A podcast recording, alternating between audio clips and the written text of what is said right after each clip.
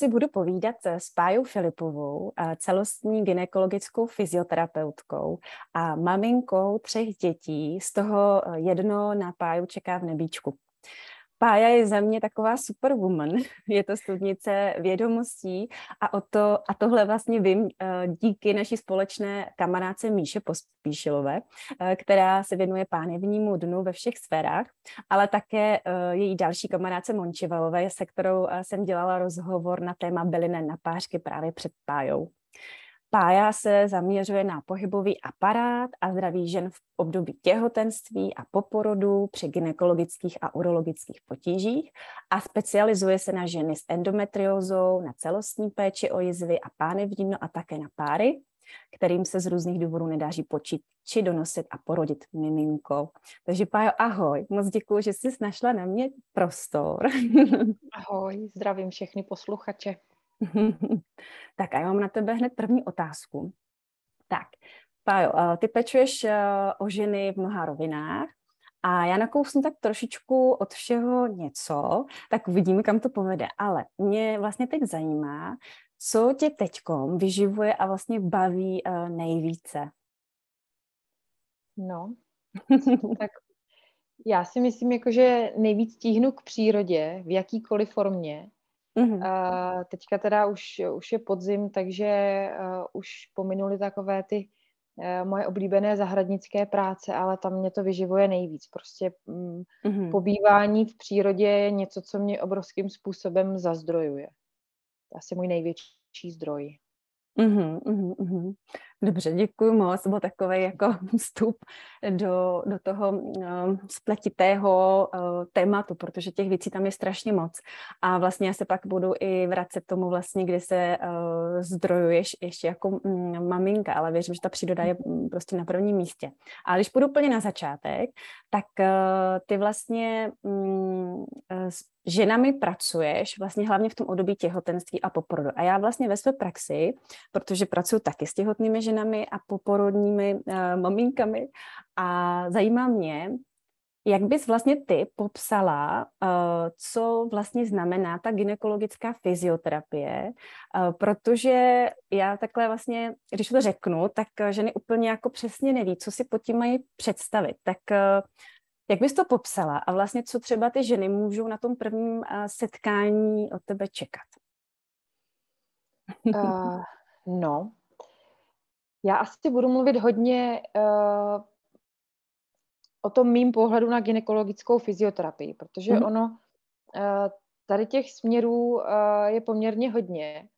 Uh, nicméně spousta mých kolegyň se věnuje čistě jenom fyzioterapii a já mám ráda ten širší pohled, takže za mě je ginekologická fyzioterapie, uh, nebo já tam ráda dodávám to, ta celostní ginekologická hmm. fyzioterapie, uh, je směr, který vlastně uh, diagnostikuje, zabývá se prevencí potíží a léčí potíže, které jsou primárně u žen Spadá tam vlastně podpora zdraví u žen, které mají gynekologické, urologické potíže.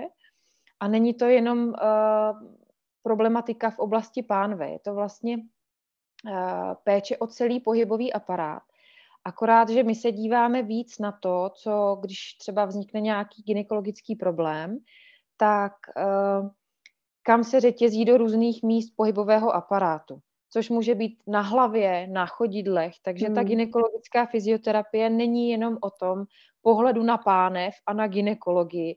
Teď jsem taky měla jednu novou klientku, která mi říká, no a já jsem se ještě objednala na jinou fyzioterapii, hmm. tak jsem se jí ptala jako proč, protože jsem jako si říkala, tak možná mi tolik jako nevěří, ona ty potíže měla docela jako veliký, tak uh, to je když máme velký potíže, tak je někdy taková tendence jako vyzkoušet hodně věcí naraz, jo? že je takové mm-hmm. jako představa, že čím víc toho je, tím rychleji se uzdravím. A ona právě měla tu představu toho, že se zabývám jenom jako ginekologií, jenom potížema, mm. který té ženě vznikly třeba po porodu. Ale o tom to úplně není. My stejně uh, musíme řešit úplně celé tělo, od hlavy až k patě, A to, co já tam ještě dodávám, je třeba péče o zažívací trakt, to znamená, že se bavíme i o tom, jak se vyživuje ta žena, jak se mm. vyprazňuje, nejenom moči, eh, vyprazňování moči, ale i stolice. A já se dívám i na to, jaká míra stresu v životě je u té dané ženy, protože potřebuju pochopit ten její životní příběh. Hmm. Takže tím se dostávám k tomu prvnímu vyšetření. Uh, já si s těma ženama hodně povídám. Já málo kdy jako nechám tu ženu, jakmile vstoupí uh, do mý ordinace, svlíknout a šup na lehátko. Takhle to u mě nechodí. Já je fakt nechám dosednout. Teďka oni často jako uh, nechají miminko nakojený hmm. čerstvě manželovi někde venku, že jo, takže tak dolítnou rychle, ještě uh, kapky potu mají na čele. Takže já je nechám dosednout a vlastně se začnu vyptávat, jak se jim daří a oni se tak jako do toho křesla jako rozesadí, změknou a pak to z nich vylejzá, vlastně oni ví, že tam nemám na ně jako půl dne, takže vypíchnou ty důležité věci a o tom my se bavíme a tam vlastně já potom s těma ženama řeším hodně praktické věci. Co se týká obecně maminek, tak já hmm. řeším každodennosti. Tam to není o tom, najdi si část, hodinu budeš cvičit. To si můžu dovolit u žen, kterým se třeba nedaří otěhotně mm-hmm. a vím, že prostě mají ten, uh, to osobní volno, se dá i nějak jako naplánovat, ale u těch maminek to prostě nejde. Takže já nemůžu hmm. zatížit tu maminku tím, že jí řeknu a teďka budeš čtyřikrát denně cvičit půl hodiny. To prostě je nemožný. Takže tam hmm. spíš řešíme to, v jaký poloze kojí, eh, jak zvedá miminko, nejenom ta manipulace se samotným děťátkem, ale jak používá svoje tělo, protože to používání těla nás formuje. Jo, i třeba teďka je takový obrovský boom diastázy, jo. Uh, ty mi odpovídáš mě... na ty, na ty otázky, no. to je úplně, na všechno bych ti teď chtěla reagovat, ale nechám tě mluvit. no, tak já jenom Přesně. to tak jako s tou diastázou. To je fenomén diastáze. Ano, to je fenomén, který tady vždycky byl a bude a je no. to, není to nic jiného než vadné držení těla. Hmm. Plus jsou ženy, které mají k tomu trošku predispozice tím, že mají třeba volnější vazivo, hmm. uh, je tam ale součástí té diastázy, té problematiky je ale i to, jak se vyživujeme, protože i to, jak, eh, jakou stravu my vlastně eh, dodáváme do těla, tak to je stavební materiál. Takže když ten stavební materiál není kvalitní, nemůžou být mm. kvalitní ani měkké tkáně. Jo, takže mm. i často vlastně musíme řešit zase ten celostní pohled na diastázu a to, jak používá svoje tělo. Takže jenom se to tak jako trošku dostalo, hm, někdo mm. objevil černou díru na trhu, která tady mm. ale vždycky byla a řeší mm. se to opravdu tak, jak používáme svoje tělo, uh, ta ergonomie uh, těla a těch pohybů, takže vždycky říkám, uh, když se mě ptají ženy, jak to, že vznikne takovýhle problém, no ale tak vy žijete. Mm. To, jak vypadáme, to, jak se cítíme, tak je jenom odrazem toho, jak my žijeme to tělo se opravdu jak modelína formuje podle toho, jak ho každý den používáme. Hmm. Jo, jo, Pajo, eh, děkuji, že to, že, že to říkáš. Na to pak ještě i navážu v nějakých dalších otázkách, ale Uh, líbí se mi, co říkáš, protože přesně takhle já vlastně pracuji taky s těma maminkama, že vlastně mhm. koriguju ten celodenní provoz, že to je podle mě ta cesta, než jim dávat do hlavy další úkol a zase je vést prostě k tomu a musím a měla bych a vlastně zase budu teda jako něco uh, cvičit, když na to vůbec nemám prostor ani kapacitu. Takže já jsem ráda, že, že to vlastně podporuješ tu myšlenku a že to je ta cesta, ta udržitelnost vlastně a těch, já bych řekla až 100% nebo no, 90 aspoň procent toho úspěchu té jako regenerace po porodu. Ale vlastně, jak jste říkala, už je to ta celostní péče. To se mi líbí plně nejvíc. Vlastně za mě si tak jako představuju, a bylo by to asi ideální svět, i kdyby všechny ty gynekologické fyzioterapeutky fakt přesně udělali takový postup, že si ženy můžou sednout, dosednout. Já vím, jak na mě funguje, když si dosednu mé um, fyzioterapeutky, já mám uh, Janus Stammers a nevím, jestli, jestli to říkám dobře její příjmení, ale ona je přesně ten typ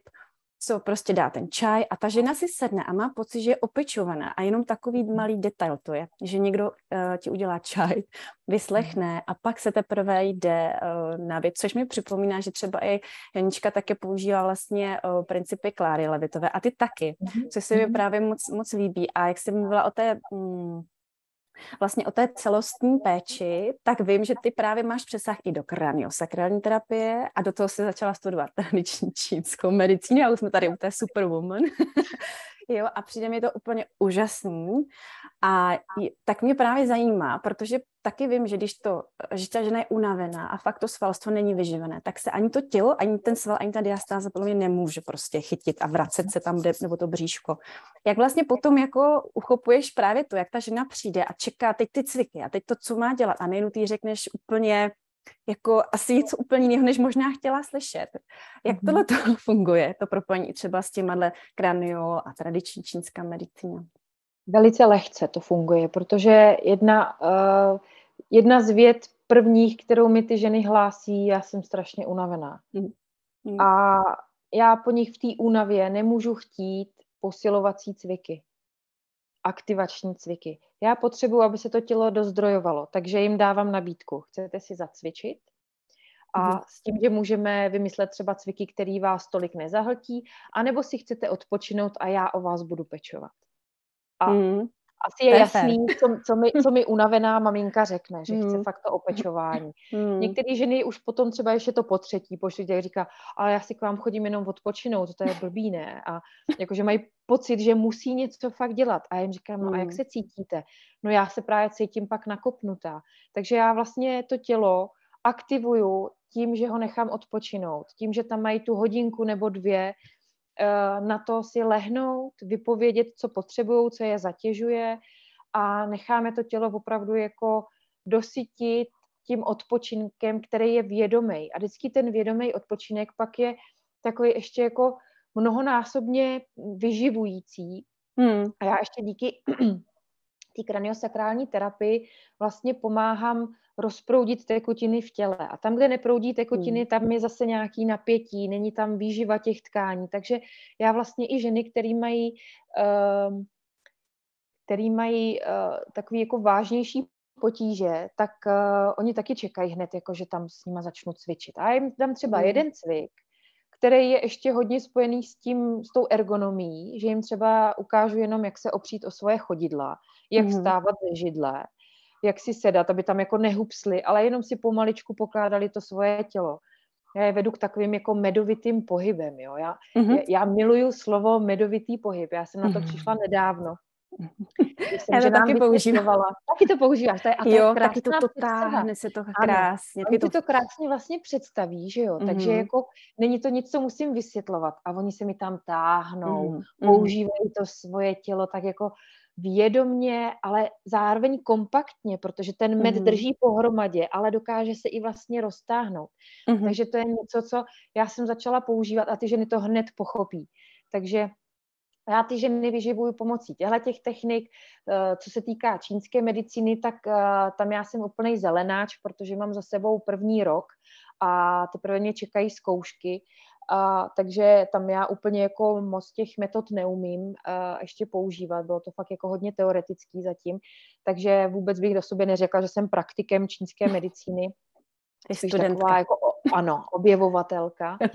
takže uh, něco málo z toho, uh, spíš se o tom bavíme, to, co vím teoreticky, jak třeba podpořit funkci některých orgánů, protože třeba slezina, ne ta mm, z toho pohledu západní medicíny, ale z pohledu čínské medicíny, slezina vlastně pomáhá, um, nebo je, je, jeden z jejich úkolů je držet všechno na místě.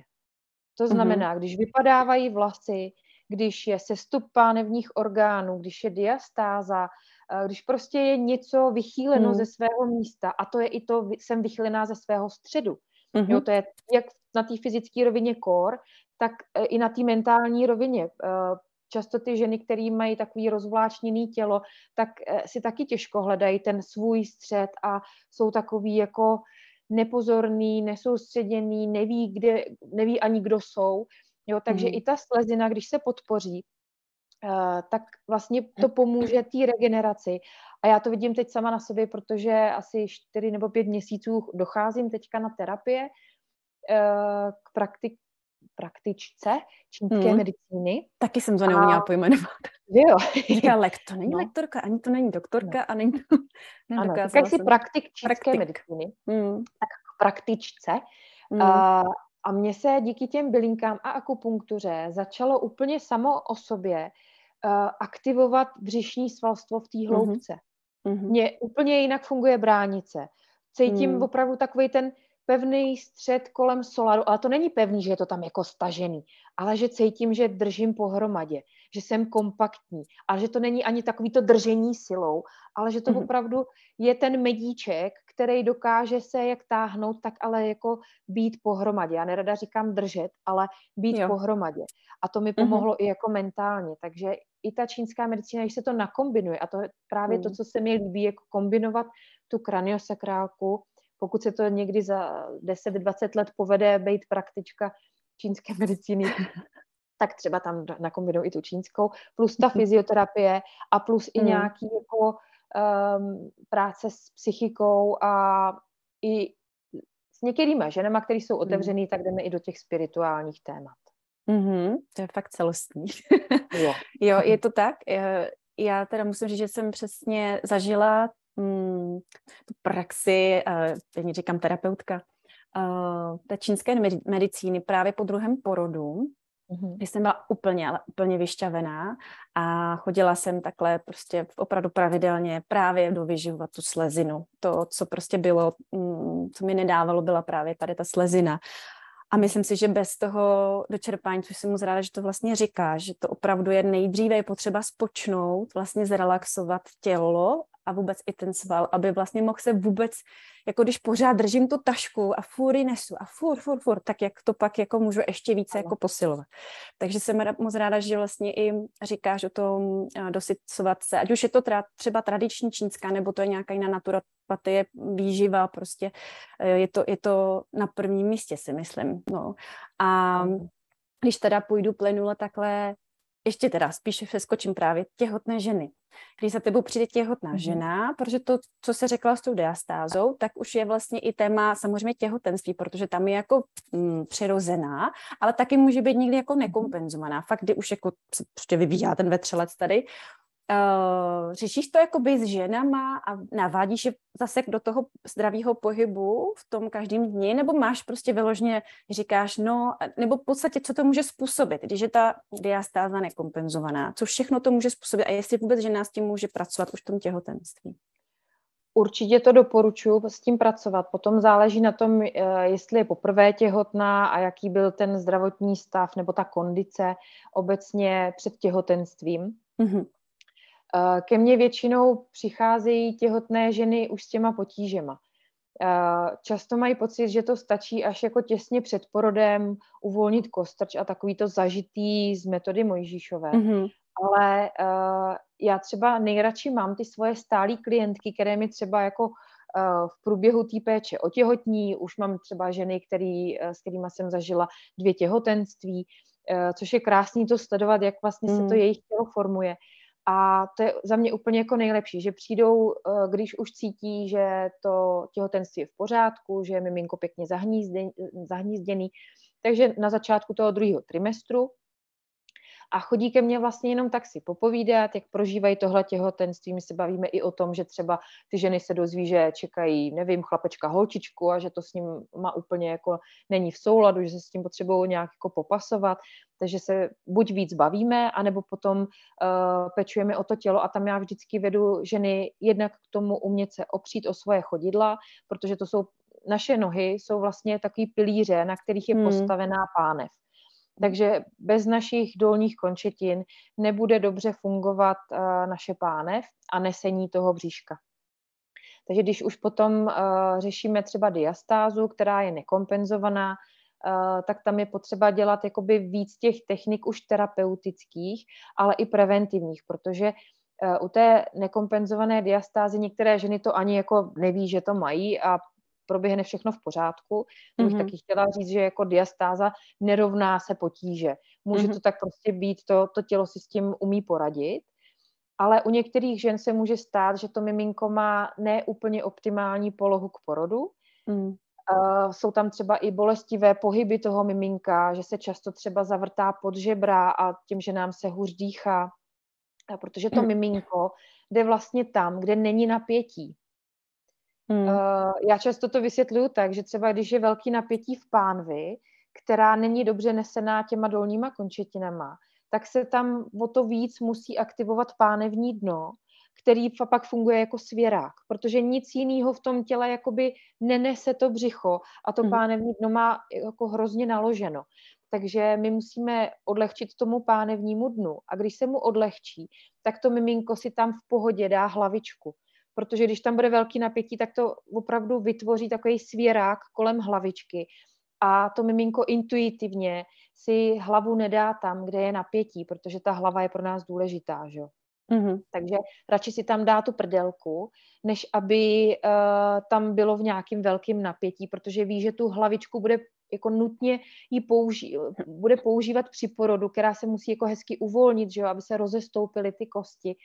Takže eh, to napětí z maminky může být přeneseno do napětí tkání toho miminka, což taky nechceme, že jo. Takže ta diastáza ovlivňuje polohu toho děťátka, může ovlivňovat i napětí samotného děťátka, eh, takže pak může být třeba v té děloze neklidné, jo, to maminky pak taky jako cítí, že je pořád takový, jako že pořád se hýbe, že to není jako hyperaktivita, ale že je prostě mm-hmm. takový jako neklidný. Uh, nebo naopak je hodně spavý, mhm. jo, takže my potřebujeme, aby to miminko bylo tak akorát aktivní, a k tomu nám může pomoct právě to, že uh, budeme pečovat o celé tělo. Zase to není jenom dolní končetiny, pánem mm. břicho, ale potřebujeme hezky uvolnit hrudník, aby se rozestoupil, protože vlastně, jak se zvětšuje bříško a miminko, tak vlastně vytláčí tu bránici trošku nahoru. A jakmile je tam zatuhlej rigidní uh, hrudník, tak tam tu bránici nepustí. Takže to jsou pak takový ty lokomotivy, že jo, prostě mm-hmm. žena jako vyjde dva schody a už nemůže dýchat, cítí velký napětí, o to více hrbí, aby se to tam uvolnilo, že jo, takže my potřebujeme, aby všechno bylo tak jako optimálně uvolněný, ale taky optimálně aktivizovaný. Mm-hmm. Takže uh, ten pohyb v těhotenství je strašně důležitý. Uh, ale musí to být pohyb, který vyhovuje jak miminku, tak té ženě. A jinak ještě že co se týká té uh, diastázy, tak samozřejmě protože se to týká rozestupu břišních svalů, tak uh, se to může týkat i těch hlubokých břišních svalů, které nám vlastně stabilizují uh, oblast páteře a fungují Můžeme si to představit jako takový jako cvrknutí do kuličky, kdy my aktivujeme pánevní dno, to cvrkne do, hlu, do toho příčního břišního svalu, který je kolem dokola a ten zase cvrkne do bránice. A tohle všechno cvrkne do těch svalů uh, kolem páteře. To jsou ty kratoučký svaly, uh, které jsou mezi jednotlivýma obratlema. A tohle všechno my vlastně potřebujeme mít pěkně nacvrknutý. A to není posilování, to je aktivace. Hmm. Jenom aktivovat, aby ty svaly vlastně uh, dělali to, co mají a nebyly to takový ty jako povaleči, který nechají veškerou práci na těch povrchových svalech. Ty povrchové svaly jsou dříči a oni dokážou fakt zamakat i za ty hluboké svaly, jenomže to neumí nebo nejsou na to dostatečně vybavený. Oni to zvládnou, ale je tam uh, důležité to, jak to zvládnou. A oni to pak časem nezvládají, nezvládají, takže vlastně pak to bříško vypadá i po porodu jako těhotný, pak to vypadá tak, že to vlastně v celém tom systému, který nás má vertikalizovat, to znamená hmm. jakoby nést tu páteř směrem vzhůru, tak to nefunguje, takže se hroutíme, bolí nás záda, sestupují orgány pánevní, sestupují i třeba střeva, který se tam prostě ne, neoptimálně pohybují, takže pak ty ženy třeba trpí zácpou, která je dlouhodobá, pak zase mají průjem, protože to tam všechno hníje, že jo, nad tou zácpou. Takže hmm. vlastně zase je to takový komplexní problém, eh, a je potřeba to řešit stravou, pohybem, relaxací a i trošku jako prací s myslí, aby jsme si vůbec uvědomili, kdo je tady důležitý, že jsme to my, že i po tom porodu uh, tam se to často jako stává, že my vidíme 100% uh, svý pozornosti dáváme tomu miminku. Jo, a já ty ženy vlastně vedu k tomu, aby uh, třeba, ona to ta příroda udělala tak geniálně, jo, že kojíme. A to je čas k tomu se zastavit.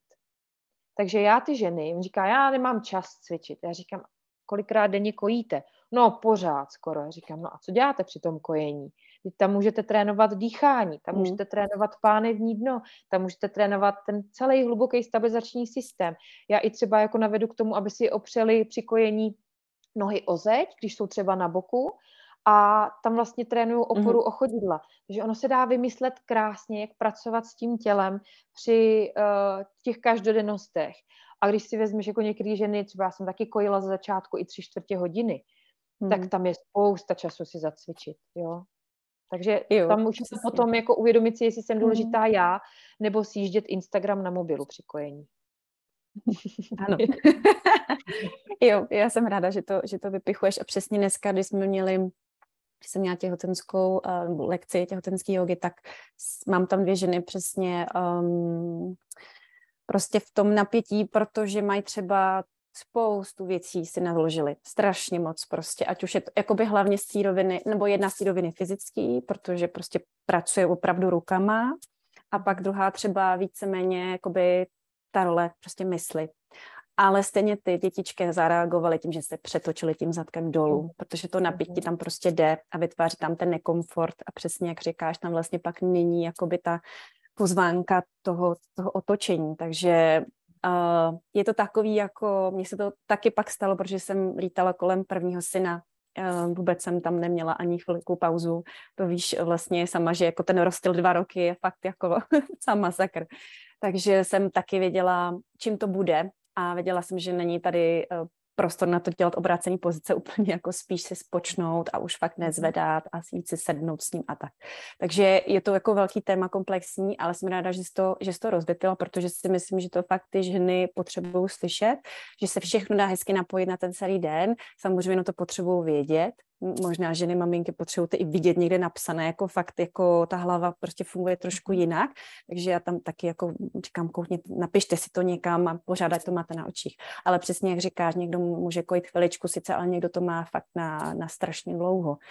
A když pak teda půjdeme k těm maminkám, tak ty zase je ten fenomen i po porodu ta diastáze. Udělala, z toho, udělala se z toho velká věc a neříkám, já to nezhazuju, ale myslím si, že já už mám takovou jako zkušenost, že ženy už chodí s tím a, a už jdeme změřit tu diastáz, už to jdeme řešit a to ještě nejsem ani třeba po šesti nedělí, jo. Uh-huh. A teď si právě říkám, kdy opravdu je to potřeba řešit. Možná bylo dobré, kdyby se jako genefizio fakt jako řekla, kdy je opravdu třeba to řešit a kdy vlastně ta žena opravdu se přirozeně zregeneruje, když si myslím, že dělá ty dobré pohybové návyky, což je podle mě ten to, co tam má být, jako, v tom, jako to je ten cvičení, že jo, mm-hmm. tak kdy to opravdu jako je třeba řešit a kdy se tím fakt má nechat jako rozhodit, protože pak se ještě jako stáhnu pánevnímu dnu, ale uh, aby jsme tím, že nám trošku dali takovou jako, no, trošku to jako vyčistili to téma. Co si o tom myslíš? Hele, v úplně ideálním světě bych to viděla tak, že každá žena po porodu uh, bude navštěvovaná porodní asistentkou nebo dulou a hmm. celé šesti nedělí o ní někdo bude pečovat. Tam je základ toho, aby se ta diastáza, aby se vůbec ta regenerace toho, toho břišního svalstva vlastně udála. Hmm. A potom třeba na konci šesti nedělí uh, by tam byla přizvaná klidně i domů fyzioterapeutka, která řekne, zeptá se zase na uh, okolnosti porodu, jak probíhalo těhotenství, ale jakmile Hele, ono je potřeba se podívat ještě jako daleko před to těhotenství, protože když mi přijde bolavá uh, těhotná žena, tak já se jí zeptám, a jakou jste měla menstruaci? A ona, a jak to souvisí s těhotenstvím?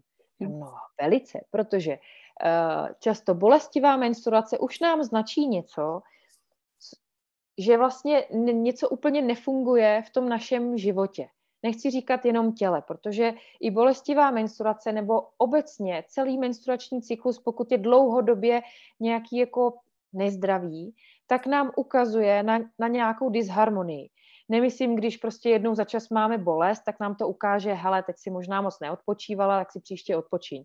Ale pokud je to dlouhodobě, ne celoživotně, tak už tam jsou pro mě takový ty střípky toho, ty skládačky, kdy se potřebuju opravdu uh, podívat na to, jak funguje její pánevní dno, jak funguje souhra břišních svalů, uh, jak fungují její chodidla, jak se vyrovnává se stresem, protože svaly pánevního dna a bránice, mimo jiné, uh, jsou svaly velice citlivé na naše emoce. Mm-hmm na to, jak reagujeme v životě. Takže hmm. když tam není dostatečná kompenzace, tak eh, těch stresových situací, protože stresu se nedá vyhnout, ale můžeme ho kompenzovat. Hmm. Takže pokud už tam byly potíže před těhotenstvím, tak uh, já třeba vidím uh, opravdu jako um, aby ta žena celé to těhotenství preventivně chodila na fyzioterapii nebo k někomu, kdo se věnuje těhotným ženám a rozumí i tě, tomu pohybovému aparátu, aby to viděl, co se tam může stát. Protože když mi přijde žena, já jsem měla celý těhotenství jako v pohodě a pak najednou porod. A já když se začnu vyptávat na ty informace, které uh, jsou třeba detailní, Hmm. Ale, ale jsou tam prostě už známky pro mě nějaký disharmonie, tak se vždycky do, do, jako dopídíme k tomu, že tam už ty potíže byly. Protože oni mi řeknou, ale bolest zad v těhotenství je přece normální. Inkontinence hmm. v těhotenství je normální. Ale já jsem si jenom tak učurla trošku, to nic není. No to už je kurňa něco.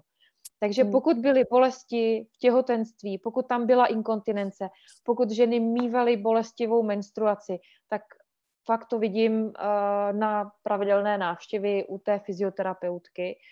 A ta diastáza to je jenom taková jako třešnička, kterou my hmm. řešíme, protože diastáza téměř vždy, uh, pokud není kompenzovaná, tak ukazuje na nějakou disharmonii v té souhře hlubokých uh, břišních svalů, pánevního dna, bránice mm-hmm.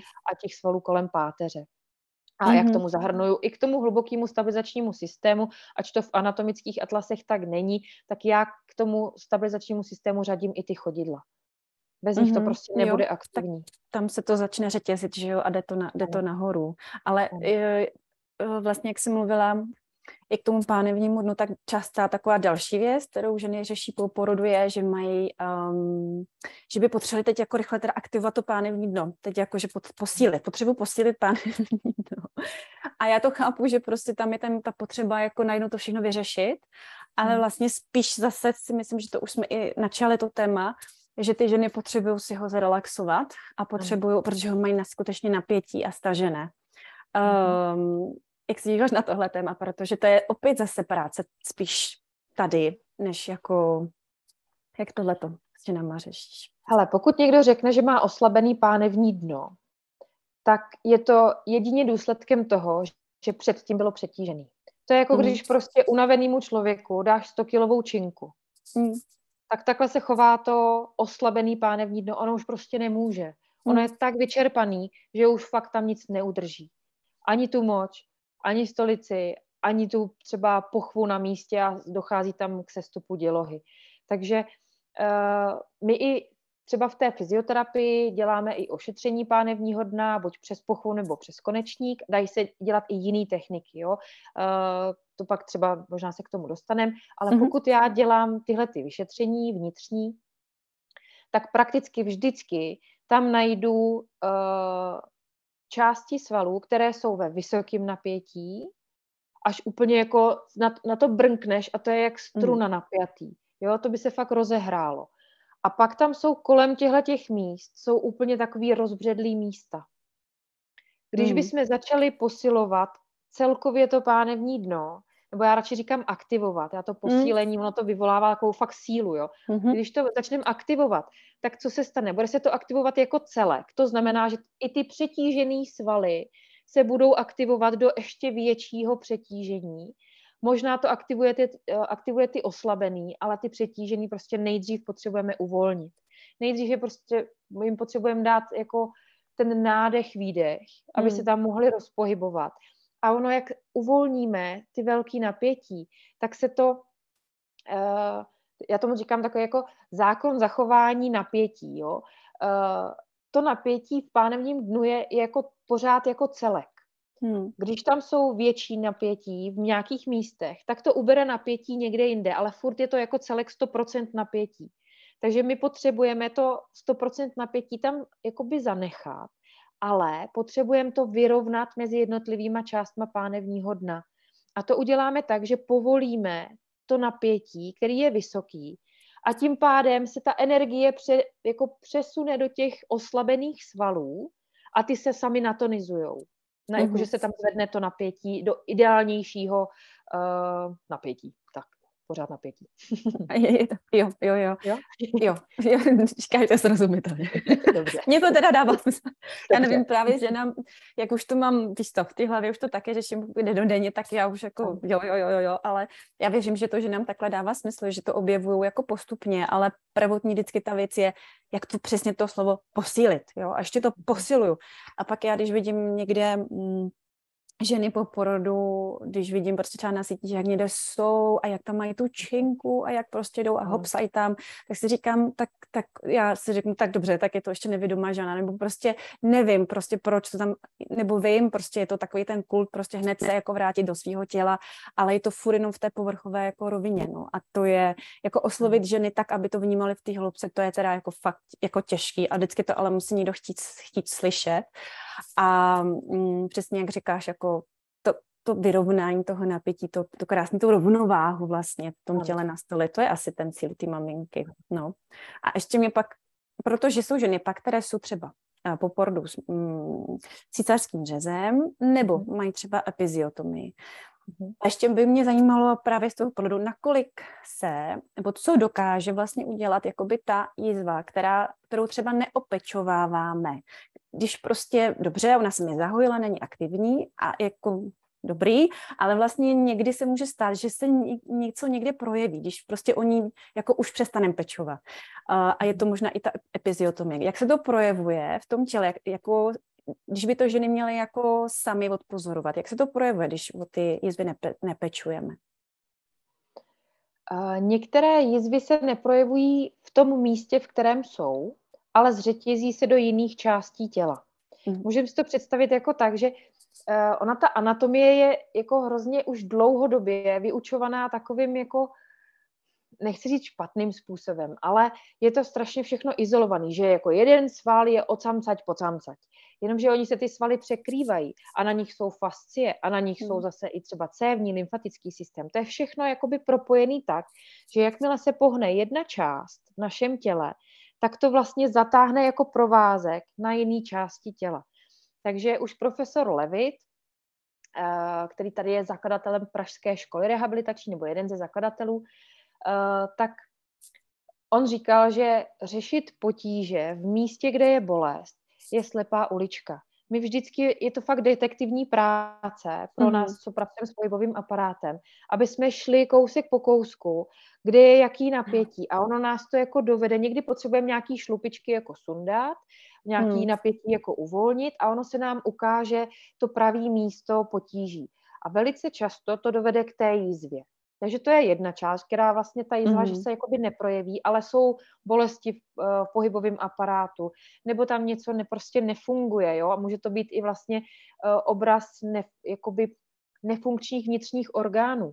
I třeba jízva uh, v oblasti břicha může imitovat uh, potíže se žlučníkem, žlučníkové koliky. Mm-hmm. Jo, takže i do těch vnitřních orgánů se to může promítnout. A pak jsou jízvy, které jsou citlivé na dotyk, takže uh, buď se sama dotkne a bolí to, nebo mají třeba po té epiziotomii nebo i po uh, přirozené ruptuře, po vaginálním porodu, takže nemůžou vůbec praktikovat pohlavní styk, protože je to prostě bolavý, nebo zažívají suchost těch sliznic, protože je to tam ve velkém napětí a tím pádem to napětí se přenese i do těch uh, žláz, který mhm. vyživují vlastně pochvu a který, eh, který vlastně přirozeně zvlhčují. Takže eh, některé ženy si to třeba i může zřetězit eh, do pochvy a do dělohy, protože to miminko zanechává jizvy i uvnitř naší dělohy, když prochází, myslím teďka čípek, pochvu, mm-hmm. tudy, všude, tudy, tudy všude šlo to miminko mm. a tam všude můžou být jízvy. I jako mikrotrhlinka jo. se vlastně zahojí mm. vazivem. Všechno, mm-hmm. co už jednou bylo poraněné, se hojí vazivem a vazivo je mnohem, i když se zdá být jako pevnější, tak ono je křehčí. Jízva má jenom 25% původní síly a elasticity těch tkání, které vlastně mm. byly porušeny. Takže eh, a, a nehledě k tomu, že vlastně ty tkáně se remodelují až rok a půl. Je to, mm. můžeme si to představit jako otisk prstu, který byl třeba uh, poraněný a vlastně to, jak používáme ten prst, tak podle toho tahu a tlaku se tam budou dělat ty otisky. Mm-hmm. A když my zatížíme moc brzo tu, tu jizvu nebo neadekvátně ji zatížíme, tak se tam vlastně bude modelovat ta tkáň podle toho zatížení a může tam třeba stluštět to místo. Mm-hmm. Jo, mm-hmm. To je stejný, jako když prostě kape kapička na beton, tak taky za čas prostě udělá díru, i když je to tvrdý beton. Hmm. Takže takovýhle kapičky i vlastně uh, jakýhokoliv pohybu můžou remodelovat tu jízvu do neúplně optimálního napětí a ty, to vazivo má opravdu tendenci jako tuhnout. Takže uh, není, nestačí jenom um, promazávat sádlem, nestačí jenom masáž, ale třeba ten můj pohled na jizvy je zase celostní, to znamená, vedu ženy k tomu, aby měly dobrý vztah k těm jizvám, aby si jich vážili a opečovali je. Vedu je k tomu, aby se jich dotýkali a vedu je opravdu takovým vědomým dotykem, který není, já se opravdu snažím od, oprostit od těch Cček a Sček, který jsme se učili na uh, škole, že se prostě chytne ta tkáň a ohne se do Cčka nebo Sčka. Takže já to učím úplně jinýma technikama a, a jdu vlastně po vrstvičkách, protože když se neuvolní ty povrchové vrstvy, tak se nedostaneme do té hloubky a vlastně ji traumatizujeme pořád dokola tu jizvu. Potřebujeme tam ale i adekvátně zatěžovat ty tkáně, to znamená vymyslet pro tu danou ženu takový pohyb, který jí vlastně bude sám o sobě hojit, tu jízvu, což je třeba i dech, dechové cvičení, což jsou různé protahovací cvičení, které s těma ženama dělám. Uh, I to, jak vlastně budou aktivovat pánevní dno, protože i na tom povrchu je část pánevního dna v té, v té hrázi. Tam je vlastně mm. centrum vazivové, uh, které, kde je cítit, jak funguje pánevní dno jako celek. Jo, takže i vlastně to, jak nám funguje pánevní dno, může být ovlivněno uh, tím, jak máme opečované jízvy. A dostávám se i k tomu, že se velice rychle ženy zatěžují v šesti nedělí. A my, když jsme v té vertikále, tak vlastně tou, tím naším tělem, tím trupem, tím vším, co je nad pánevním dnem a nad těma jízvama, tak to má polovinu váhy těla, že jo? Tak to u některých hmm. žen je po porodu i třeba jako 60, 70, 80 kilo. Hmm. Tak tím vlastně zatížíme celou tu oblast pánevního dna a jizev a podle toho se budou oni chovat. Oni už to prostě, tu zátěž neunesou. A tam vznikají ty potíže. Takže proto hmm. je tak důležitý nechat to tělo opečovat v šesti nedělí a ležet a co nejmíň zatěžovat ve vertikále. A pokud jsem ve vertikále, tak se umím opřít o svoje chodidla, aby to vytvářelo ze spoda ty nosní pilíře a aby to vlastně um, bylo kolem toho břicha, aby, aby i to břicho vlastně mělo dostatečnou oporu zvenčí, protože my tu vnitřní oporu musíme no, znovu jako vybudovat u té ženy, takže tam si pomůže pomoct třeba šátkem, nějakým mm-hmm. pevným bavlněným, který není elastický. Jo, takže mm-hmm. my potřebujeme budovat vlastně tu sílu zase zevnitř. Zevnitř se dostávalo miminko a zase dovnitř potřebujeme jako první uh, tu sílu dostat. Mm-hmm. Jo, já jsem, mm, jsem ráda, že to říká, že si fakt jako souzním a naprosto. Myslím si, že může udělat i velkou neplechu třeba laparoskop, jakoby po laparoskopii, ta jízva, že to je sice jako pidík malej, ale dokáže vlastně hodně podobně, nebo myslím si to teda ze zkušenosti těch žen, že to taky dokáže hodně. Takže to je motivace pro vás, ženy, abyste fakt své jízvy um, neignorovali, nebrali je prostě, že už teda jako dobrý, nejsou aktivní, ale um, dobrý a potřebujeme opravdu o ně pečovat, bych řekla fakt, bych řekla celý život a ne tak intenzivně možná. aktivovat. Hmm, takže jsem ráda, že to, že jsme to vyzvihli a vlastně, když jsem se i uh, dívala na tvoje příspěvky, tak jsem si všimla, že jsi uh, měla zkušenost taky, nebo že jsi poslechla taky, taky dokument od Gábora Maté, Moudrost mm. traumatu. Mm. A mhm. to je moje naprostá jako srdcovka. Nemyslím teď trauma jako takový, máme ho nejspíš úplně uh, všichni, ale jsem moc ráda, že se tam um, vlastně vypíchla, že si na to poukázala. Protože to pak samozřejmě um, jako maminky um, podle mě řešíme všechny, že se nám skrz děti vlastně aktivují různé, prostě různé bolístky a většinou to mhm. opravdu akcelerují ty dětičky a není to jako z nich, ale je to samozřejmě z našeho, z našeho třeba dětství. Uh, když pak že pracuješ s ženou právě v rámci těchto traumat, nebo vůbec, jakoby jak žena pozná, na svém těle, že vlastně prožila takovýhle trauma, protože právě přesně tohle je možná to téma toho pánevního dna, kde se nám ty bolístky třeba opravdu i do té bránice, tak eh, jak pak vede ženu třeba, když eh, právě řeší, nebo vůbec, že ona o tom třeba ani neví. Dostanete se k tomuhle tématu? Dostáváme se velice často k tomuhle hmm. tématu a nejenom u maminek, ale i u žen, kterým se třeba nedaří otěhotnět nebo které hmm. řeší uh, potíže s menstruačním cyklem. Uh, já už jsem to trošku nastínila, že máme svaly, které jsou citlivé na stres a emoce. Patří tam právě pánevní dno, bránice, uh, patří tam i plosky chodidel, svaly na ploskách chodidel, patří tam šíjové svaly, žvíkací svaly. Takže já už vlastně cíleně ty otázky vedu, jestli třeba neskřípe v noci zubama, a nemusí to být jenom traumatem, opravdu to může být jenom nějaký hmm. přechodný uh, období, že je prostě přetížená ta žena. Ale když už se mi vlastně řetězí ty, ty, mm, to napětí do všech těchto těch stresových svalů, tak se hmm. ptám vlastně, jestli buď teďka prožívá náročné období a když mi řekne, že ani ne, tak se vlastně pídím uh, potom, kdy začaly ty potíže fyzického charakteru, ale ono to není o tom, že vznikla bolest ono už vlastně ten náš systém hlásí uh, ty potíže, ty červené kontrolky uh, formou diskomfortu. Diskomfort, mm-hmm. to mhm. znamená, že se necítíme dobře ve svém těle, je předstupeň bolesti.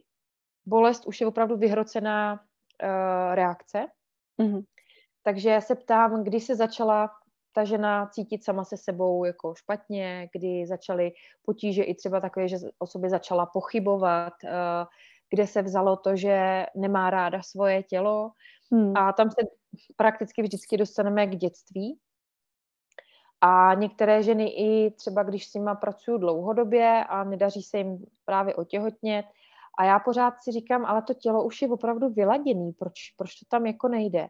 A někdy mě tam i intuice jako zavede zeptat se, neprožila jste někdy nějaké hodně těžké um, situace ohledně třeba i zneužívání nebo nějaké prostě něco se sexualitou a dost často se dostaneme k tomu, že ano. Hmm.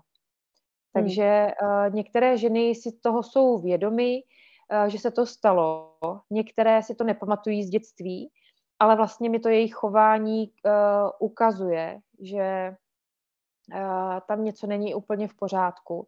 Jsou to uh, často i ženy, které mají vaginismus, to znamená hmm. nekontrolovatelné napětí v oblasti pochvy nebo obecně pánevního dna, uh, kdy je úplně vlastně um, znepřístupněna pochva, i třeba pro uh, samomapování. I ta žena sama sobě vlastně nemůže zavést prst do pochvy jo, protože ta pochva reaguje vlastně úplně velkým napětím, jenom se tam dotkneme, anebo jenom se i bavíme třeba uh, o tom, uh, o pochvě, o pánvi a už jdou ty ženy do napětí. Takže ono těch indicí je poměrně hodně a u každé je to trošku jiný. Není to jako seznam, který bych vyjmenovala, že jako ukážou na trauma, ale hmm. spíš je to, uh, já třeba nejsem psycholog, takže já mám hodně limitů, co se týká práce s traumatem a psychikou, ale po nějaký době, kdy už znám příběh té ženy a znám reakce jejího těla, tak vlastně mě to zavede k nějaký otázce, kterou si vlastně jako, že, že vlastně vůbec nevím, proč to její tělo takhle reaguje. Mm-hmm. A to je většinou jako to, to téma nějakýho, nějaký náročný situace. A k tomu někdy, uh, někdy zabere jenom ta kraniosakrální terapie, že se to rozpustí, aniž bychom museli pojmenovat situaci, pojmenovat aktéry té situace, mm-hmm. A to se mi právě na tom líbí, že to tam vlastně se rozpustí přesně to, co se rozpustit má a na co má ten systém kapacitu. Hmm. Takže my vůbec jako s těma ženama neřešíme tu situaci, pojďte si to prožít znovu, ale po, eh, pracuju vlastně přes to tělo.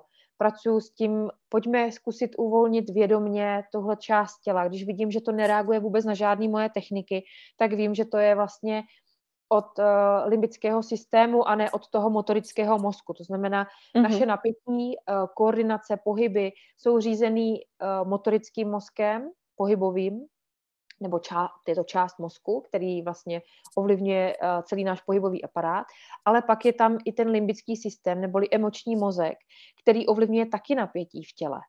Takže když vím, že ta práce uh, přes jakoby jenom tu fyzickou rovinu nefunguje, tak mm. jsem si téměř jistá, že tam potřebujeme dělat relaxační techniky pravidelný.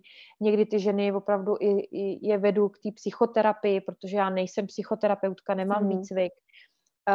Když ty ženy to odmítají, tak pracujeme aspoň tou kraniosakrální terapií, kde se to rozpouští samo. A vlastně to udělá takový efekt, že oni vlastně už si pak třeba ani ne, nepamatují, že se vůbec něco stalo. Jo, že, mm-hmm. že to trauma prostě úplně se tak jako rozplyne v tom, že se rozplynulo i to fyzické napětí. A to je, to je krásná mm. práce. Pracuji hodně mm. i s vizualizacema, takže kombinuju to všechno dohromady, ale jak říkám, nejsem psychoterapeutka, mám svoje limity a když vím, že ta žena potřebuje ještě trošku i namotivovat eh, k nějakému sebevědomí, sebepéči, eh, k tomu, aby se měla ráda, tak, tak to už není úplně jako ta moje doména a tam už jsem ráda, když třeba buď to za mě někdo převezme, mm-hmm. anebo je tam souhra uh, několika odborníků. Mm-hmm. Jo, děkuju, protože tohle je důležité vidět, aby si ženy uvědomily, že opravdu si uh, můžou nechat eh, pomoci um, právě tu třeba kraniosakrální terapii a vůbec umět to jako rozlišit, co můžu řešit přesně s tou gynekologickou fyzioterapeutkou, co už bych měla asi řešit s tou um, psychoterapeutkou uh-huh. a taky, taky vždycky odesílám ženy tam, tam, tam a hol někdy to chce prostě roztáhnout ty sítě trošku na více míst. Um, a pak je taky samozřejmě důležité ta důvěra, a aby ten člověk fakt sedl, což je hrozně náročné, takže vždycky je super mít nějaké doporučení a nejít jen tak jako k někomu, když se ho vygooglím. Takže tomu doporučuji, že nám opravdu jít na to, na to doporučení. Ale Paj, eh, ty už si to trošku naťukla předtím.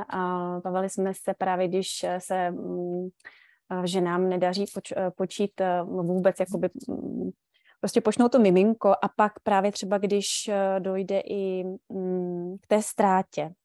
A ty si mhm. napsala e-book, eh, když děťátku narostou křídla, eh, průvodce pro ženy po ztrátě miminka. Proč si ten e-book napsala a mm, co vlastně v něm ty ženy můžou najít? Já jsem ho začala psát, když jsem sama přišla o miminko po nějaký době, protože jsem vlastně, uh, u mě byl problém v tom, že já jsem Minko nechtěla pustit. Takže jsem ho několik týdnů v sobě nosila mrtvé, uh, říká se tomu zamlklé těhotenství a uh, já jsem vlastně našla nějaké informace, ale bylo to hrozně jako tady střípek, tady střípek, dal mi to hrozně moc práce, hmm. najít něco, nějakého komplexního průvodce. Takže já jsem to začala psát. Pak jsem na to dva roky nešáhla, mm-hmm. uh, protože se to nějak prostě jako vytratilo a neměla jsem potřebu uh, se k tomu vracet. Jenomže jak to tak bývá, tak jako um, možná to znáš taky, že si jako do té péče přivoláváme ženy, které jsou nám hodně podobné nebo řeší podobné témata.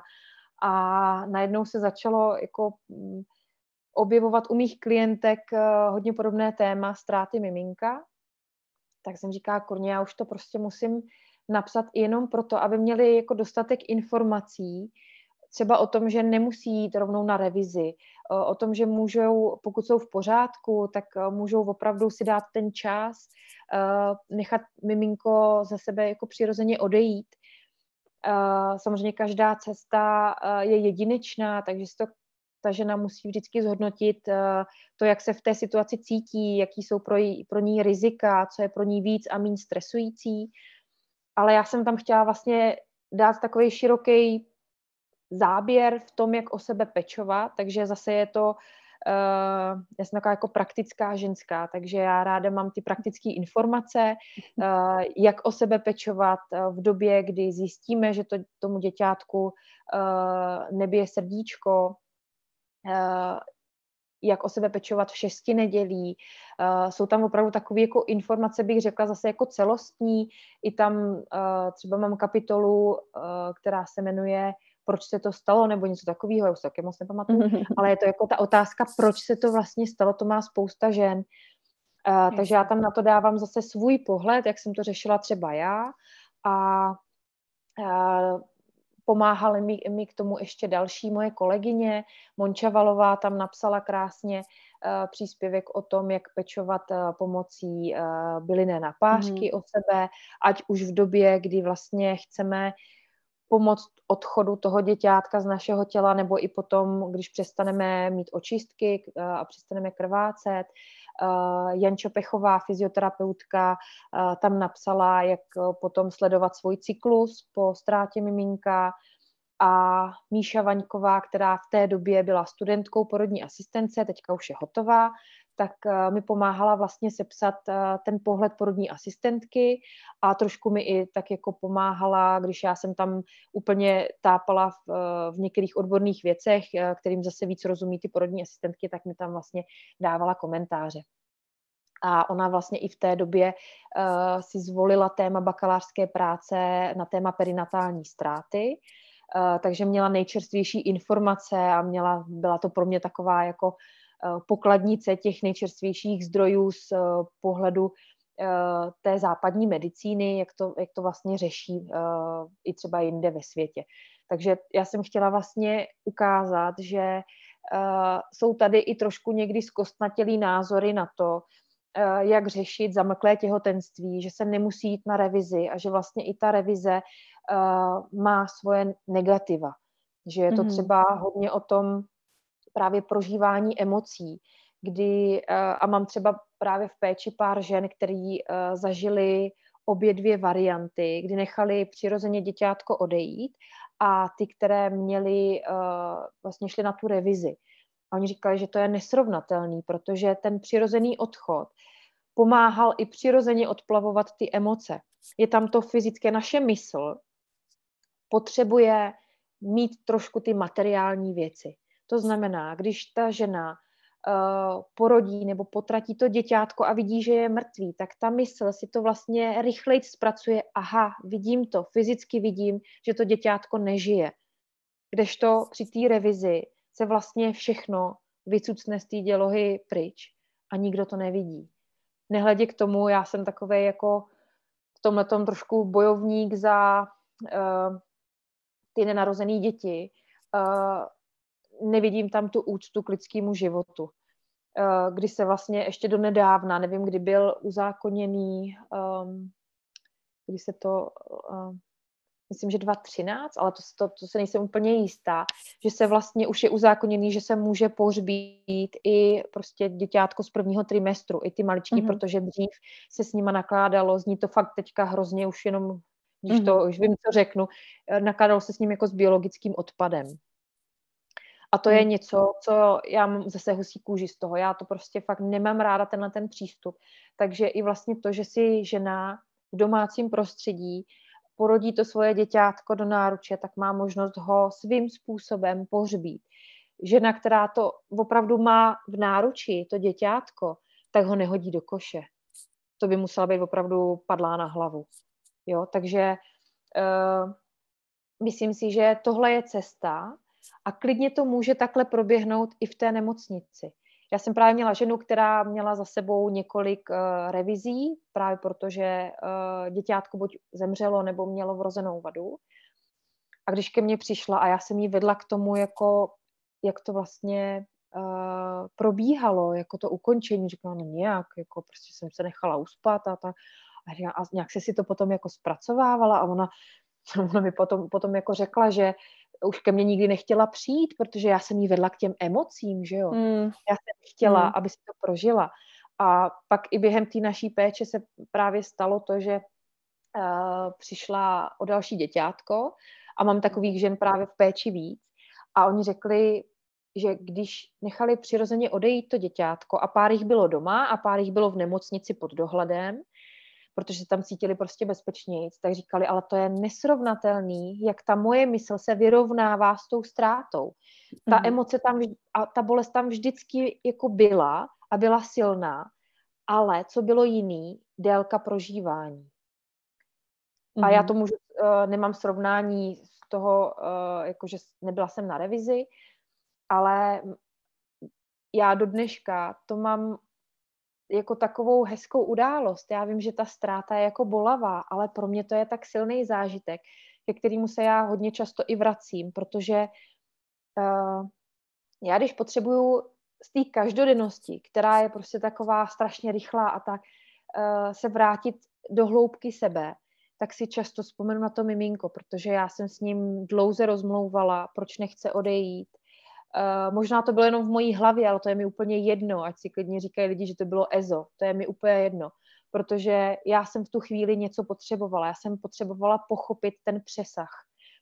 Uh, a to pochopení není o tom, že dostanu jako odpověď, proč se to stalo, ale já potřebuju jenom jako to pochopení je v tom napojit se na tu druhou bytost, co se jako stalo a smířit se s tou událostí. A já můžu říct, že tohle je jedna z věcí, která mi šla velice snadno, smířit se s tím. A to smíření je vlastně ukončení té bolesti. Tam už té bolesti je hrozně málo, ale já tomu říkám uh, plakat s úsměvem. Já opravdu, když se jako naladím na to svoje miminko, který tam na nás čeká a já s ním mám domluvených pár věcí, uh, který si spolu ještě jako povíme, tak uh, já prostě se u toho usmívám. Pro mě to není dramatická událost. Pro mě to není uh, jako situace, kdybych mm-hmm. se cítila být jako oběť. Mm. Tam jsou jako dva extrémy, který vnímám u některých žen. Buď se to bagatelizuje, prostě jo, to mm. bylo prostě první trimestr a to byl jenom nějaký zhluk buněk, jo. Mm. Takže se to bagatelizuje. Utíká se vlastně od emocí, utíká se od té smrti, utíká se od podstaty života. A pak je druhý extrém, jsou ženy, které truchlí několik let. A jenom si vzpomenou a už jsou prostě úplně rozklepaný. A tam je to taky takový, jako buď si to teď to řeknu hnusně, užívají tu roli oběti z nějakého důvodu, že chtějí pozornost, nebo tím něco zakrývají, a nebo opravdu tam nebyly dobře zpracované ty, ty události. My opravdu, ta naše mysl potřebuje fyzicky, materiálně jednat. Aktiv, aktivitu potřebuje. A to je rituál rozloučení. V jakýkoliv podobě. Já, já to vždycky vysvětluju, ty rituály, že jsou takový přemostění, kdy jsme v bodě A, kdy nám zemřel někdo blízký a vytvoříme tím rituálem most, kdy vlastně přecházíme aktivně přes ten most tím, že se loučíme a jsme v bodě B, kde jsme už vlastně za tím, za tou událostí, ale je tam pořád to přemostění, furt je tam ta spojka, ale už jsme každý na jiném břehu. A k tomu slouží ty rituály. Strašně silné události, já jsem nezažila plitký rituál. Nikdy. To nejde. Protože rituál, když se opravdu udělá vědomně, že chci něco ukončit, s něčím se smířit, s něčím se vyrovnat, tak vlastně um, se pak dostávám do hloubky sama sebe jsem v tom vědomně a v tom je ta síla a můžeš se k tomu kdykoliv vrátit k té síle a víš, že to v sobě prostě máš a tam dochází k tomu krásnému smíření, který i z té smrti opravdu se dá výjít, ze smrti blízkého člověka se dá výjít uh, hrozně hezky a s takovým pocitem, že uh, je to za náma, že jsme prožili hezkou část, i když to bylo pár týdnů s tím miminkem, tak hmm. pro mě je to tak silný, že jako na to se nedá zapomenout, ale zároveň už netruchlím, protože i když to je třeba dva roky, což někdo může říct, to není zase tak dávno, tak uh, já jsem opravdu celkem brzo byla smířená s tou situací a pořád jsem naladěná na to miminko. Není to o tom, že to bagatelizuju a že dělám, že to nebylo. Já o tom mm. mluvím, když se mě na to někdo zeptá, nemám potřebu o tom mluvit jenom tak, jako že bych si založila Instagramový profil, přišla jsem o miminko, to ženy taky někdy dělají a to jsou mm. to trošku ty oběti. Jo. Mm. Ale je to forma zase nějakého sebevyjádření, takže vůbec jako může to být na čas, forma psychoterapie pro tu ženu, ale nesoustředit se na to, protože to děťátko odešlo, nebo někdo blízký nám odešel, ale my jsme tady pořád. Hmm. My jsme tady zůstali a záleží, jak hmm. kvalitně to budeme prožívat. Hmm, to je silný, silný téma a určitě musím mm, potrhnout eh, milionkrát ty rituály, protože to je opravdu zrovna mám po jednom, včera jsme dělali ale předporodní, ale stejně tak je tam prostě spoustu, spoustu jako temných uh, rovin, ale i těch krásných a právě žena vždycky, vždycky to tam přijde v obrovský jako příval emocí a, a slzy a vždycky se něco vyplaví. Takže přesně jak říkáš, já jsem taky ještě nezažila žádný plitký rituál. Mhm. Je to velký, proto je to na půl dne skoro. Je to fakt jako obří a nádherná péče zároveň. A já právě vím, že taky děláš ten rituál, viď? uzavírání a, a to mhm. zavinování a tak. Já dělám Takže... i rituál otevírání. I otvírání. No, Počkej, já otvírání dělám... čeho? Eh, když se žena třeba uh, potřebuje Miminko. otevřít Uh-huh, od jako mateřství, jo, jo. A nebo, uh-huh. nebo když ví, že jí čeká třeba i nějaká procedura uh, v centru asistované reprodukce, uh-huh. tak tam je několika hodinová péče a hmm. otevíráme to tělo. Mm-hmm, tak to uzavírám je, to je i otevírám. A tak to nemáš na webu, ale to tam musíš doplnit. Mám to tam. Máš to tam, tak to jo, jsem jo, jo, A to já jsem lustrovala. tak to je to tam, ale ve, slu, ve službách uh, no. podpora plodnosti je mm-hmm. i, že jako intenzivní Aha, podpora tak plodnosti, která je několika hodinová a tam vlastně jo. dělám ten rituál otvírání. Mm-hmm. Tak jsem tam možná nedočetla, já jsem měla rituál jakoby uzavření, tak to je krásné, tak to je super, že to, že to říkáš, protože to jsem, ještě jsem o tom neslyšela, takže tohle je, to je fakt moc hezký. Já jsem ho totiž vytvořila sama. No, jsem to bude možná tím. Jo. Ale je to krásný a myslím si, že to ženy určitě jako, že to je jako nedocenitelný, že to je nádherný. No. Nebo no, já se zkouším jako, představit, víš, jako, a jako přijde mi to jako... Je to krásný, jako fakt zatím 100% úspěchu po tomhle mm-hmm. rituálu. Ale mm. těch žen je pořád málo, protože oni pořád trošku jsou skeptický k těmhle těm věcem, mm. nebo i do toho nechtějí investovat tolik peněz, mm. protože já se za to opravdu beru větší částku peněz, protože to pro mě to je, to je prostě třeba i 6-7 hodin plný pozornosti. Jo. A já mm. se z mhm. toho dáva, dostávám třeba i týden fyzicky. Jo. Jo, fakt jo. je to strašně vyčerpávající, takže já potřebuju dozdrojovat i těma financema. Mm-hmm. Uh, takže proto je to dražší, ale zatím opravdu v té péči, co jsem měla ženy, které do toho šly, tak 100% mm-hmm. úspěchu. Mm-hmm, to teda taky musím potrhnout, že to je opravdu taková nálož pro ty, kdo to vedou. Taky nedávám, nezvládala bych víc jak jeden týdně, to, to není možný ani, ani není to možný, takže já to chci jen tak jako vyzvihnout, že to je opravdu jako velká energie, kterou, kterou uh, průvodkyně vlastně těm, že nám dávají, tak, uh, tak to chci jenom tak jako vyzdvihnout. A tím se dostanu vlastně ještě k tobě jako osobě, protože vždycky se ptám žen na jejich těhotenství, jak si prožili to těhotenství a vůbec jestli se oni o sebe starali, jestli ti bylo jakoby hezky co tělo, ty jsi gynekologická fyzioterapeutka, takže jestli jsi nechávala opečovávat, jestli jsi chodila na masáž, jestli jsi měla porodní asistentku, víš, jako, tak pověz tak nějak, jak to cítíš. Tak, teď se projeví kovářovic kobila. První těhotenství, já jsem jako o sebe pečovala, ale nikam jsem nechodila. Protože uh, já jsem docela jako uh, perfekcionista, takže já jsem nenašla nikoho, kdo by o mě pečoval tak, jak já pečuju o ty ženy. Uh, v té době. A, ale měla jsem porodní asistentku u prvního porodu, ke který jsem chodila, uh, já, jsem jich, já jsem jich měla víc, protože můj plán byl uh, připravit se jak na domácí porod, tak na nemocniční porod já jsem chtěla mít otevřený všechny cesty, což já i vlastně doporučuji těhotným, aby si ne, nelajnovali jenom tu jednu cestu, z který by pak mohli být třeba zklamaný, že to nevyšlo. Takže jenom tak jako si kousíček v hlavě otevřít, uh, že ty cesty jsou nevyspytatelné. Mm-hmm. Takže já jsem se připravovala na všechny varianty a měla jsem vlastně uh, pečovatelky na ten domácí porod, s kterými jsem byla v kontaktu, ale spíš to bylo, že jsme jako komunikovali, že jsme si jako povídali a pak jsem chodila k porodní asistence, s kterou jsem měla v plánu jet uh, do porodnice. Co jsem věděla rozhodně, že nebudu zůstávat nikde v porodnici, takže všechny moje porody byly vlastně ambulantní. Mm-hmm. Takže vůbec nevím, jak to chodí na oddělení šesti nedělí, ale slýchám na to vždycky takový jako rozporuplný názory. A, a jinak jsem o sebe pečovala tím, že jsem hodně chodila, to je za mě prostě nejpřirozenější. Trošku jsem si cvičila, masírovala jsem si bříško, hodně jsem byla naladěná na to miminko a... Hm. Měla jsi i předporodní rituál? Neměla.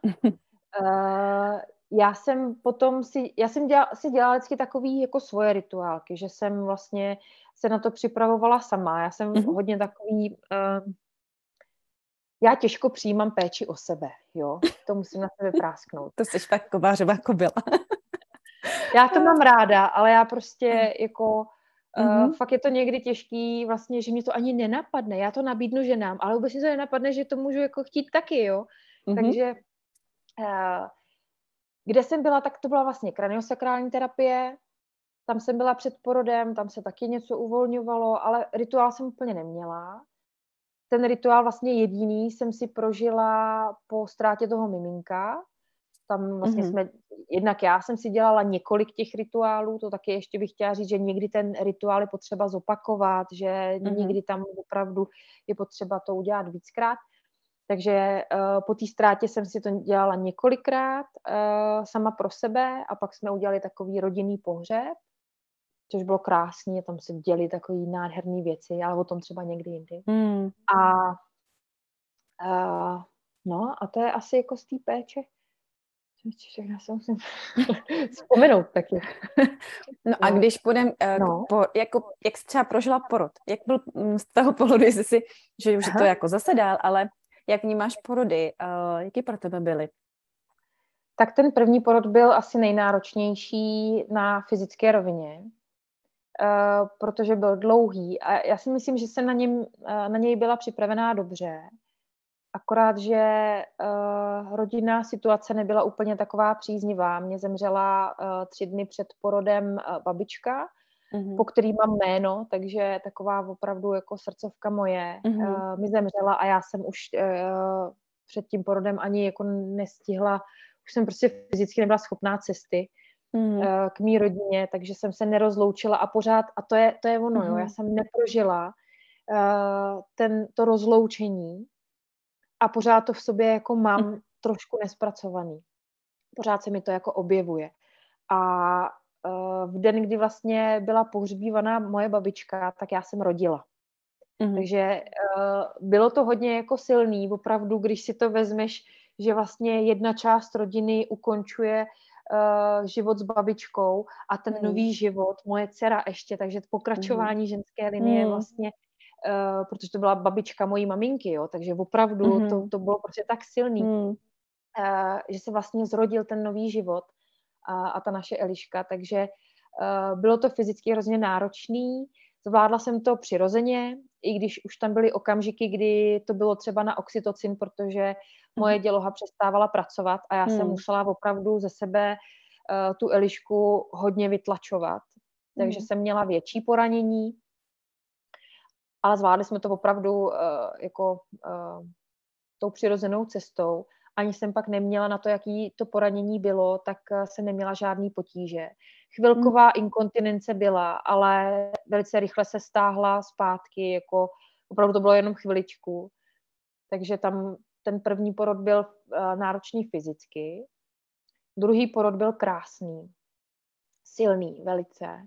To možná taky otevřu takový téma, uh, protože uh, v druhém těhotenství bylo diagnostikovaný, eh, diagnostikovaná těžká vada neslučitelná se životem mému miminku a já jsem se rozhodla neukončit to těhotenství, chtěla jsem dát čas miminku, kolik potřebuje a eh, ty lékaři mě jako připravovali na to, že může každým dnem zemřít.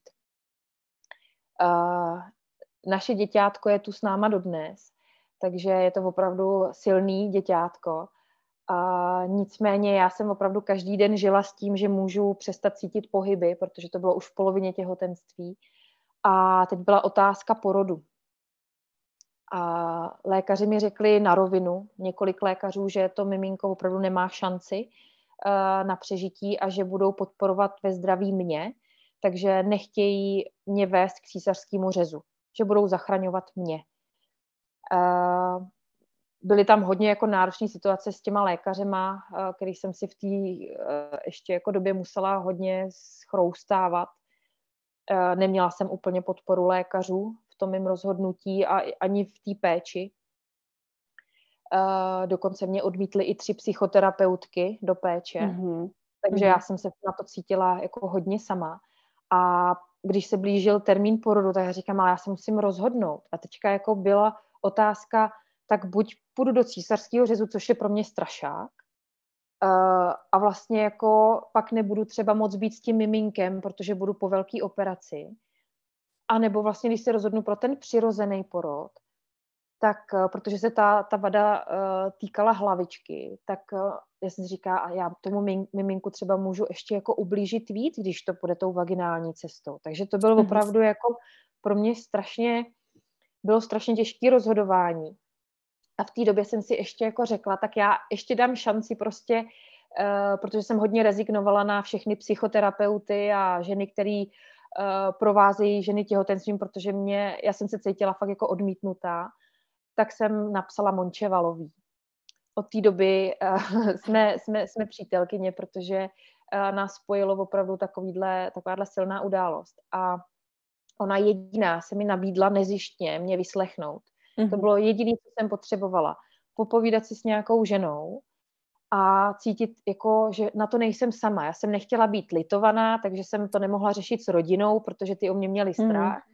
Uh, moje kamarádky to nevěděly, já jsem nebyla schopná o tom moc mluvit a odborníci mě od, odmítali.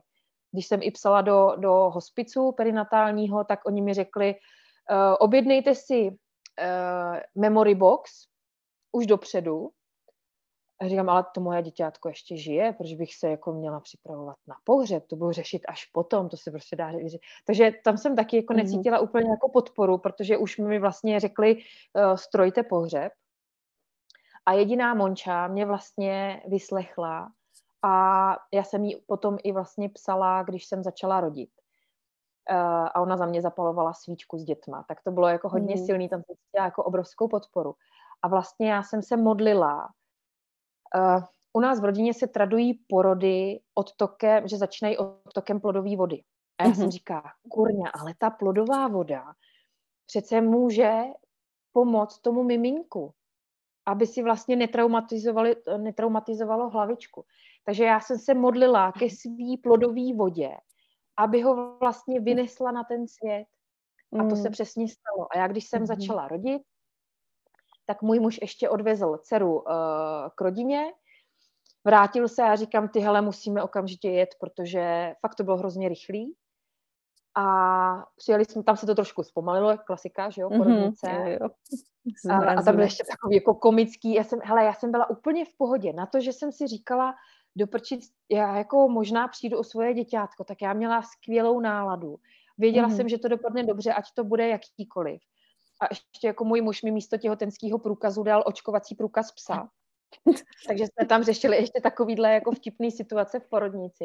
Mm a nechali nás tam být s mužem. Uh, dostala jsem nejlepší pokoj s vanou a porodní asistentka tam byla možná dvakrát.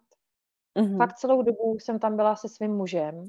Jediný co, tak tam přišla pediatrička mi vynadat, co si to vymýšlím v porodním plánu, že mm-hmm. čekám patologického novorozence. Mm. V tu chvíli dostala tak silnou kontrakci, že jsem jí přestala poslouchat a říkala, zaplať pámu za kontrakce a začal to vyřizovat můj muž. Hmm. A za to jako velký díky za ty chlapy, který tam jsou ty rytíři, hmm. který vlastně nás můžou ochránit před těma s prominutím blbcema. Hmm. A pak už vlastně, když jsem uh, začala rodit, tak ta porodní asistentka, já jsem to neslyšela, já si to nepamatuju, ale ona prý říkala, a já vám uh, píchnu vodu. A můj muž říkal, hmm. v žádném případě. On věděl, co chci. Hmm. Takže uh, vlastně nedošlo k tomu a pak říká, že, že mě ještě jako nastřihne a můj muž zase prostě zareagoval, že, že v žádném případě žádný nástřih nebude, že, a on to řekl jako ona to nechce. Jo, mm-hmm. on mhm. nerozhodoval za mě, ale on věděl, co chci, takže řekl, ona to nechce. A já jsem si tam mohla prostě porodit uh, při první už tý jako vytláčecí kontrakci. Mm-hmm. Uh, mi vlastně samovolně odtekla ta voda a při asi druhý nebo třetí kontrakci s tou vodou vyšel náš Adámek. Mm-hmm. Hmm. Takže vlastně mi hrozně pomohlo to, že jsem se pomodlila i k té plodové vodě, jak i ta plodová voda je hrozně důležitá při porodu. Hmm. Protože vlastně při prvním porodu já jsem o tu plodovou vodu skoro celou přišla, takže mm. jsem rodila na sucho a podle toho to, to, to vypadalo. A já jsem druhý porod měla rychlej. Plodová voda mi vlastně i chránila moje vlastní tkáně, takže mm. tam byla taková odřeninka někde prostě v ústí pochvy, kterou mm. ani si nepamatuju, jak se hojila, protože prostě jsem, jsem to neřešila. Mm. Jo, takže jako druhý porod na pohodu. No. Hmm, na pohodu. ale to, jak říká... Pohoda, no, ale...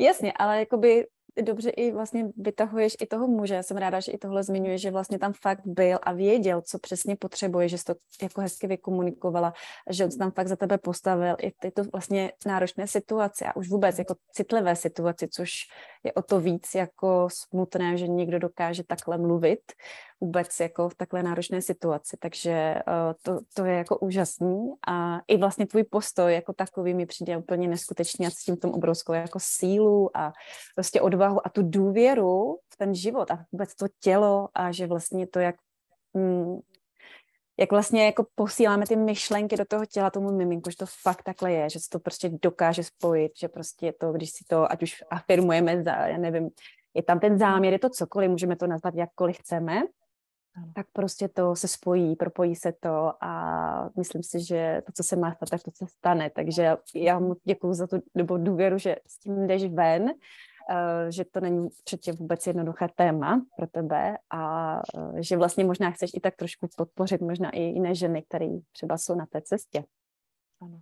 Hmm, takže děkuji moc, děkuji moc a tomu mě stejně přivádí uh, závěrečná otázka. Ano. Grande finále. Jak se teda, krom té přírody, ale jaký jsou tvoje rituálky, jak ty mhm. říkáš, že máme to úplně stejně, ta každodennost. Někdy to může být obrovský frčák a vlastně se vůbec nevšimneme, že už je večer, ale mhm. stejně vlastně, jak učíš ty ženy, teda propojte si to, tak teď myslím třeba cvičení, ale vůbec prostě, co ti dělá radost během toho dne, co se ti opakuje, co jsi tak jako zařídila, tak aby ti to prostě dělalo, já nevím, to, že si uděláš prostě hrnek čaje pořád mhm. dokola. Co jsou ty tvoje zdroje takové každodenní? tak když mám ty dny, kdy jsem vlastně s dětma a nejsem v práci, tak tam ty rituálky jako jsou trošku náročnější, ale já vedu vlastně děti uh, k takový jako k tomu trošku jako režimu, jo. Uh, já jsem takový možná trošku jako autista, takže já potřebuju mít spoustu věcí jako uh, pravidelných a když to mhm. není, tak se cítím jako fakt taková jako nezazdrojovaná a až protivná. Takže uh, pro mě je rituál třeba to, že odvedeme, nebo manžel odvede dceru do školky a já s tím synem jdu ven na procházku. A tam já už se můžu prostě kochat, tam se zazdroju i tou přírodou, mm-hmm. pak máme nějaký oběd a buď ho stihnu i já, nebo ne. A najím se potom prostě, když už jako je ten čas pro mě. A uh, pak jsou ty rituály prostě večerní. Vím, mm-hmm. že to je až jako večer, ale já se i jako sklidňuju v tom, v tom večeru a nejlíp se mi medituje, takže já i usínání mám s pravidelnou meditací. Pravidelně se koukám, co se dělo s, s mým tělem a říkám si, aha, tady je napětí, tak zítra si zacvičím. Uh, když jsem potom v práci, tak tam už těch rituálů samozřejmě stíhám víc, takže tam uh, chodím i třeba o hodinu dřív a tu hodinu prostě mm-hmm. se připravuju uh, fyzicky, někdy si zacvičím, někdy medituju, někdy i tak trošku jako uh, se modlím k těm nahoře, aby mi pomohli, hmm. když vím, že mi přijdou klientky, které mají náročné příběhy, tak abych trošku cítila nějaký jako vedení a podporu. Takže pro mě je ta spiritualita hodně důležitá a i ty přesahy prostě přes ten náš materiální svět. Uh, pravidelně si tam dělám čaje, uh, bez bylinek ani ránu. Mm. A, a i si dělám takový ty jako rituály, když jsem v té práci, opouštím svůj osobní život. Ono to mm. nikdy nejde úplně, protože já i do té své práce dávám tu svoji osobitost. Nejsem stroj, ale musím dát pryč to, že třeba, nevím, něco nefungovalo v partnerství, v ro- doma nebo něco a potřebuji potřebuji tam být ten lidský profesionál. A když ukončuju tu práci, tak vlastně tím, jak sklízím ty věci, tak to dělám vědomně, vyvětrám. A i to větrání je vědomí, že prostě jako někdy tak pomáhám hm. těma rukama, ať to odejde všechno pryč, ať je tam čistý prostor zase pro nový klienty. Uh, někdy i při zamykání dveří prostě si vědomě řeknu, tak a teďka práce je tady a vracím se domů. Hmm. Do toho svýho osobního života. No. Mm-hmm. Hmm, krásný. Pájo, já ti moc děkuju, protože uh, my jsme otevřeli, a myslím, že jsme se dostali i do těch hloubek, že to nebylo jenom na kousnutí, ale že jsme se fakt dostali do těch hloubek. A jsem ti moc vděčná, že jsi fakt povyprávěl o takových uh, hlubokých tématech. A na závěr máš nějakou myšlenku nebo něco, co bys že nám chtěla předat, ať už to týká, týká čehokoliv. To bys si jako sama sobě třeba řekla, kdybys byla mladší. tak Jejda, Máš něco takového? Nebo prostě tak... si představ ženy, které jsou fakt jako na těch, eh, teď to všechno slyší poprvé, víš, a jako pro ně to je jako, tak uh, může to týkat jakýhokoliv tématu, tak co bys jim jako by ještě za sebe hmm. třeba, třeba řekla? Já jsem minulý týden natáčela jeden podcast pro mm. někoho jiného a tam jsem vlastně ze mě vypadlo, uh, protože tam byla i otázka, jestli bych chtěla vzkázat něco třeba studentům, mm-hmm. uh, tak jsem říkala, ať se nechají vést svým srdcem, ať jdou tam, mm-hmm. kam je srdce táhne. A dneska bych to možná spíš vedla k tomu, ať se necháme vést do svého těla, protože tam jsou ty odpovědi. Potřebujeme vnímat svoje tělo, aby jsme věděli, jak se vlastně máme, protože to tělo je zrcadlem naší mysli.